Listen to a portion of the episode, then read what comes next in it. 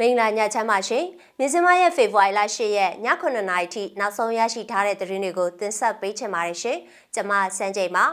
KNU နယ်မြေထဲမှာဇန်နဝါရီလထဲတိုက်ပွဲပေါင်း400ကျော်မှာစစ်တပ်က400နီးပါးတေဆုံးတဲ့အကြောင်း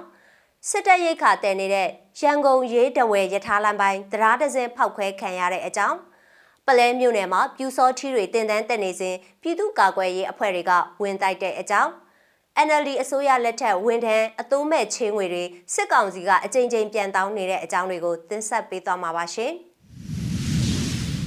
ပထမဆုံးတင်ဆက်ပေးချင်တဲ့သတင်းကတော့ကရင်အမျိုးသားအစည်းအရုံး KNU နယ်မြေထဲမှာဇန်နဝါရီလထဲတိုက်ပွဲပေါင်း435ကြိမ်ဖြစ်ပွားခဲ့ရာစစ်ကောင်စီဘက်က396ယောက်သေဆုံးပြီး 333ယောက်ထိခိုက်ဒဏ်ရာရခဲ့တယ်လို့ KNU ကဖေဖော်ဝါရီလ10ရက်ဒီကနေ့မှာထုတ်ပြန်ထားပါတယ်။အဲ့ဒီတလာတွင်စစ်ကောင်စီတပ် BGF တပ်တို့နဲ့လည်းတိုက်ပွဲတွေဖြစ်ပွားခဲ့တယ်လို့ KNU ဘက်က9ယောက်သေဆုံးပြီး24ယောက်ဒဏ်ရာရခဲ့တယ်လို့ KNU ကဆိုထားပါတယ်။ KNU ရဲ့မူတော်ဖာပွန်ခရိုင်နဲ့ဒူးပလာယာခရိုင်ထိန်းချုပ်နယ်မြေထဲမှာစစ်ကောင်စီကကြီးရွာနယ်လုပ်ငန်းခွင်တွေစီကိုလက်နက်ကြီးတွေနဲ့ပစ်ခတ်တယ်လို့လေကြောင်းကနေလည်းတိုက်ခိုက်ခဲ့တယ်လို့ဖော်ပြထားပါတယ်။ အဲ့ဒီတိုက်ပွဲတွေထဲမှာစစ်ကောင်စီဘက်ကလက်နက်ကြီးနဲ့လေကြောင်းတိုက်ခိုက်မှုတွေကြောင့် အရက်သား12ဦးသေဆုံးခဲ့ပြီး32ဦးဒဏ်ရာရခဲ့ပါတယ်။ KNU ရဲ့အဲ့ဒီထုတ်ပြန်ချက်ထဲကဖြစ်စဉ်အသေးစိတ်တွေနဲ့ပတ်သက်လို့တီးခြားအတိမပြုနိုင်သေးကြောင်း RFA ရဲ့သတင်းတရက်မှာဖော်ပြထားပါတယ်။စစ်ကောင်စီကတော့85နှစ်ပြည့်အထိမ်းအမှတ်ပြည်ထောင်စုနေ့မှာ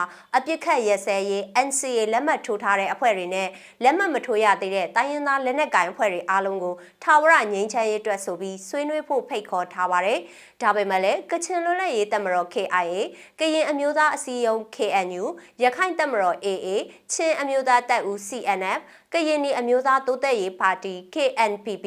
ကိုကန့် MNDAA တအောင်းအမျိုးသားလွတ်မြောက်ရေးတပ် TNLA အစရှိတဲ့အဖွဲ့တွေနဲ့စစ်ကောင်စီတပ်တွေဟာသူ့နယ်မြေဒေသတွေမှာလက်ရှိတိုက်ပွဲတွေဖြစ်ပွားနေပါတယ်ရှင်။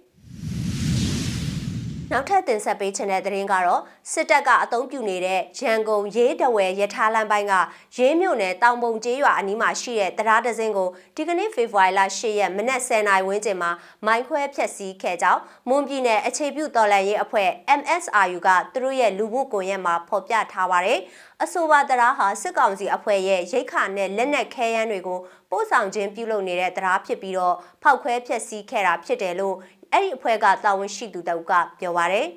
အဆိုပါတရားဟာစစ်ကောင်စီအဖွဲ့ရဲ့ရိတ်ခါနဲ့လက်နက်ခဲယမ်းတွေကိုပို့ဆောင်နေခြင်းပြုလုပ်နေတဲ့တရားဖြစ်လို့ဖောက်ခွဲဖျက်ဆီးခဲ့တာဖြစ်တယ်လို့အဲ့ဒီအဖွဲ့ကတာဝန်ရှိသူတအုပ်ကပြောပါရယ်ကျွန်တော်တို့အနေနဲ့ဖောက်ခွဲမှုပြီးပြီးချင်းအန်နယ်ကင်းစွာဆုတ်ခွာလာနိုင်ခဲ့ပါတယ်လောလောဆယ်အနေထားမှာတော့စစ်ကောင်စီဘက်ကတုံ့ပြန်မှုကိုမသိရှိရသေးပါဘူးရွာကသူတို့နဲ့လှမ်းဝေးတယ်လို့ MSRU တာဝန်ရှိသူကပြောပါရယ်ရှင် ပလဲမြို့နယ်ကသတင်းကိုလည်းတင်ဆက်ပေးပါမယ်ရှင်။စကိုင်းတိုင်းပလဲမြို့နယ်အင်မထီရွာနဲ့ဇီးဖြူကုန်းရွာမှာရှိတဲ့ပြူစောထီစခန်းတွေကိုဇန်နဝါရီလ10ရက်မနက်တနာရီခွဲလောက်မှာဝင်ရောက်တိုက်ခိုက်ခဲ့တယ်လို့ပလဲပြည်သူ့ကာကွယ်ရေးတပ်ဖွဲ့ပကဖတာဝန်ရှိသူကဆိုပါတယ်။အဆိုပါပြူစောထီတွေကိုစစ်ကောင်စီတပ်သားတွေကတင်တန်းပေးနေစဉ်မှာဝင်ရောက်တိုက်ခိုက်ခဲ့တာဖြစ်တယ်လို့ဆိုပါတယ်။ အင်မထီးပြူစခန်းကိုမဟာမိတ်အဖွဲ့ဝင်အင်အားထက်ဝက်ဇီးပြူကုန်းပြူစခန်းကိုမဟာမိတ်အဖွဲ့ဝင်ထက်ဝက်ခွဲပြီးတော့တိုက်ပွဲဆင်နွှဲခဲ့ပါတယ်။မဟာမိတ်အဖွဲ့တွေနဲ့ပြူတွေတနာရီကြားပစ်ခတ်မှုဖြစ်ပွားခဲ့ပြီးမဟာမိတ်အဖွဲ့တွေကထိခိုက်မှုမရှိခဲ့ပါဘူးလို့ပလဲပကဖတာဝန်ရှိသူကဆိုပါတယ်။တိုက်ပွဲမှာအင်မထီရွာမှာစစ်တပ်ဖက်ကအင်အား40ခန်းရှိပြီးဇီးပြူကုန်းရွာမှာစစ်ကောင်စီတပ်သား10ဦးနဲ့ပြူစောထီ30ခန်းရှိတယ်လို့ဆိုပါတယ်။ တိုက်ပွဲချိန်3နာရီကြာမြင့်ခဲ့ပြီးစစ်ကောင်စီနဲ့ပြူစောထီပူးပေါင်းအဖွဲ့တွေဖက်ကကြာဆုံးမှုတွေရှိနိုင်တယ်လို့ဆိုပေမဲ့လည်းမင်းစမကတီချာအတိပြုနိုင်ခြင်းမရှိသေးပါဘူး။အခုတိုက်ခိုက်မှုလှုံ့ဆော်မှုကိုပြည်သူ့ကာကွယ်ရေးမဟာမိတ်၁၂ဖွဲ့ပူးပေါင်းလှုံ့ဆော်ခဲ့တာဖြစ်ပါတယ်ရှင်။ နောက်ဆုံးတင်ဆက်ပေးချင်တဲ့သတင်းကတော့စစ်အာဏာသိမ်းမှုအကြမ်းမဖက်ဖီဆိုင်လှုပ်ရှားမှုမှာပါဝင်တဲ့ CTM ဝန်ထမ်းတွေရဲ့အသွုံးမဲ့ချင်းငွေတွေကိုအာဏာသိမ်းပြီးနောက်စစ်ကောင်စီကအကြိမ်ကြိမ်တောင်းခံနေကြောင်းရန်ကုန်တိုင်းအလုတ်သမားဝင်ကြီးဌာန CTM ဝန်ထမ်းတွေစီကသိရပါဗျ။ NLD အစိုးရလက်ထက်ပြီးခဲ့တဲ့2020ခုနှစ်အောက်တိုဘာလကုန် COVID-19 ဒုတိယလှိုင်းအတွင်းနိုင်ငံတော်ဘတ်ဂျက်ကနေအမြဲတမ်းနိုင်ငံဝန်ထမ်းတွေကိုလစာရဲ့2လစာငွေကြေးကိုအသုံးမဲ့ထုတ်ချေပေးခဲ့တာဖြစ်ပါတယ်။ အဲ့ဒီငွေတွေကိုပြန်ဆက်ဖို့2021ခုနှစ်ဖေဖော်ဝါရီလမေလနိုဝင်ဘာလနဲ့ဒီဇင်ဘာလတို့မှာစာတိုက်ကနေစာပို့ကြောင်းအခု2022ခုနှစ်ဇန်နဝါရီလအတွင်းထပ်မံတောင်းခံကြောင်းအလုသမားဝင်ကြီးဌာန CDM ဝန်ထမ်းကမစ္စမအောင်ပြောပါရယ်စစ်ကောင်စီဘက်ကဘာဆက်လုပ်မယ်တော့မသိဘူးကျွေးမဆက်ဘူးလို့လည်းဆုံးဖြတ်ထားတယ်ဒါပေမဲ့ဘာဆက်လုပ်ရမယ်မှမသိဘူးအတူတူ CDM လုပ်နေတဲ့သူတွေနဲ့တိုင်ပင်ပြီးတော့လုပ်ကြမှာပါပြီးတော့အဲ့ကိစ္စတွေကိုဘာဆက်လုပ်ရမလဲဆိုတာ NUG တို့ကတသက်မမတ်လမ်းပြပေးတင်တယ်အခုဟာက CDM တွေလည်းကိုဟာနဲ့ကိုကြမ်းကြမ်းခံရင်လုံနေရတာငါအစိုးရဒီလိုပြောတယ်ဒီလိုလိုက်နာမယ်ဆိုတော့အားရှိရပါ CDM ဝန်ထမ်းတွေအတွက်ရော်ချင်းငွေချင်းငွေပြန်ဆက်ခိုင်းနေတာနဲ့ပတ်သက်ပြီးတိတိကျကျလမ်းညွှန်မှုပေးတာတို့ထုတ်ပြန်ချက်တို့ထုတ်ပေးရင်အ ਨੇ ဆုံးအားဖြစ်တာပေါ့လို့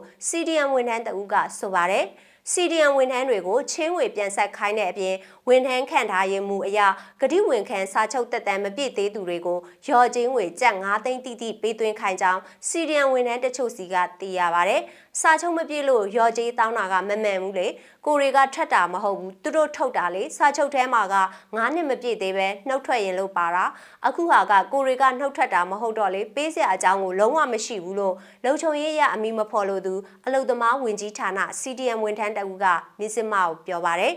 ရန်ကုန်တိုင်းအလုသမားဝင်ကြီးဌာနလက်အောက်မှာရှိတဲ့ဌာနတစ်ခုကအရာထမ်းအမှုထမ်း166ဦးဟာဖေဖော်ဝါရီလ10ရက်ကစလို့ CDM လှုပ်ရှားမှုမှာပါဝင်နေကြောင်းသိရပါတယ်ရှင်။မင်းစမရဲ့ဖေဖော်ဝါရီလ10ရက်ည9:00နာရီထိနောက်ဆုံးရရှိထားတဲ့သတင်းတွေကိုတင်ဆက်ပေးခဲ့တာပါကြည့်ရှုအားပေးတဲ့အတွက်ကျေးဇူးအထူးတင်ရှိပါတယ်မြမပြည်သူတွေဘေးရန်တဲ့အပေါင်းကကင်းဝေးကြပါစေရှင်။